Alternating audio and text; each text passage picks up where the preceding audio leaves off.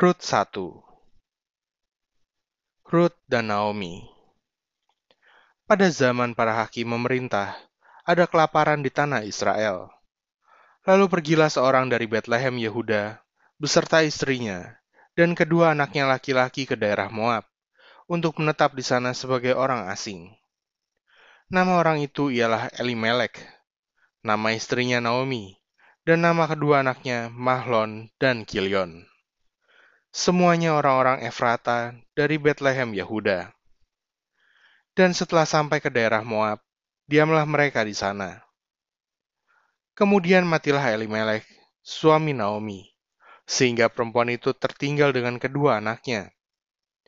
Keduanya mengambil perempuan Moab. Yang pertama bernama Orpa, yang kedua bernama Ruth. Dan mereka diam di situ kira-kira 10 tahun lamanya.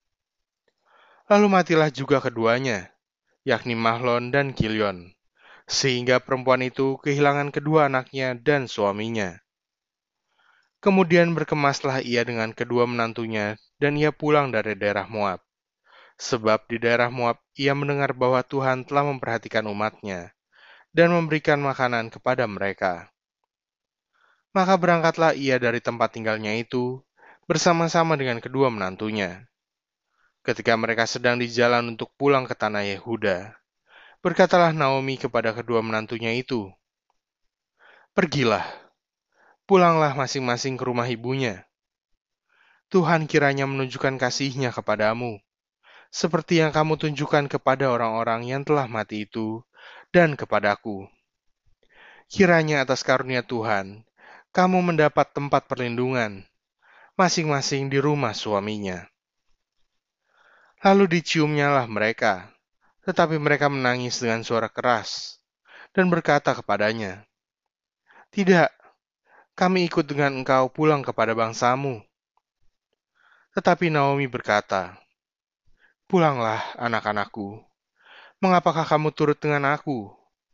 Bukankah tidak akan ada lagi anak laki-laki yang kulahirkan untuk dijadikan suamimu nanti? Pulanglah, anak-anakku, Pergilah, sebab sudah terlalu tua aku untuk bersuami. Seandainya pikirku, ada harapan bagiku, dan sekalipun malam ini aku bersuami, bahkan sekalipun aku masih melahirkan anak laki-laki, masakan kamu menanti sampai mereka dewasa? Masakan karena itu kamu harus menahan diri dan tidak bersuami? Janganlah kiranya demikian, anak-anakku. Bukankah jauh lebih pahit yang aku alami daripada kamu? Sebab tangan Tuhan teracung terhadap aku. Menangis pula mereka dengan suara keras. Lalu Orpa mencium mertuanya itu minta diri. Tetapi Ruth tetap berpaut padanya. Berkatalah Naomi, telah pulang iparmu kepada bangsanya dan kepada para allahnya. Pulanglah mengikuti iparmu itu. Tetapi kata Ruth, Janganlah desak aku meninggalkan engkau dan pulang dengan tidak mengikuti engkau. Sebab ke mana engkau pergi, ke situ jugalah aku pergi. Dan di mana engkau bermalam, di situ jugalah aku bermalam. Bangsamulah bangsaku, dan Allahmulah Allahku. Di mana engkau mati, aku pun mati di sana. Dan di sanalah aku dikuburkan. Beginilah kiranya Tuhan menghukum aku, bahkan lebih lagi daripada itu jikalau sesuatu apa pun memisahkan aku dari engkau, selain daripada maut. Ketika Naomi melihat bahwa Ruth berkeras untuk ikut bersama-sama dengan dia, berhentilah ia berkata-kata kepadanya. Dan berjalanlah keduanya sampai mereka tiba di Bethlehem. Ketika mereka masuk ke Bethlehem, gemparlah seluruh kota itu karena mereka. Dan perempuan-perempuan berkata, Naomikah itu? Tetapi ia berkata kepada mereka, Janganlah sebutkan aku Naomi, sebutkanlah aku Mara, sebab yang Maha Kuasa telah melakukan banyak yang pahit kepadaku.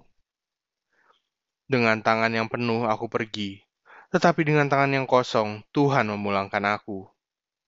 Mengapakah kamu menyebutkan aku Naomi? Karena Tuhan telah naik saksi menentang aku dan yang Maha Kuasa telah mendatangkan malapetaka kepadaku. Demikianlah Naomi pulang bersama-sama dengan Ruth, perempuan Moab itu, menantunya, yang turut pulang dari daerah Moab. Dan sampailah mereka ke Bethlehem pada permulaan musim menuai jelai.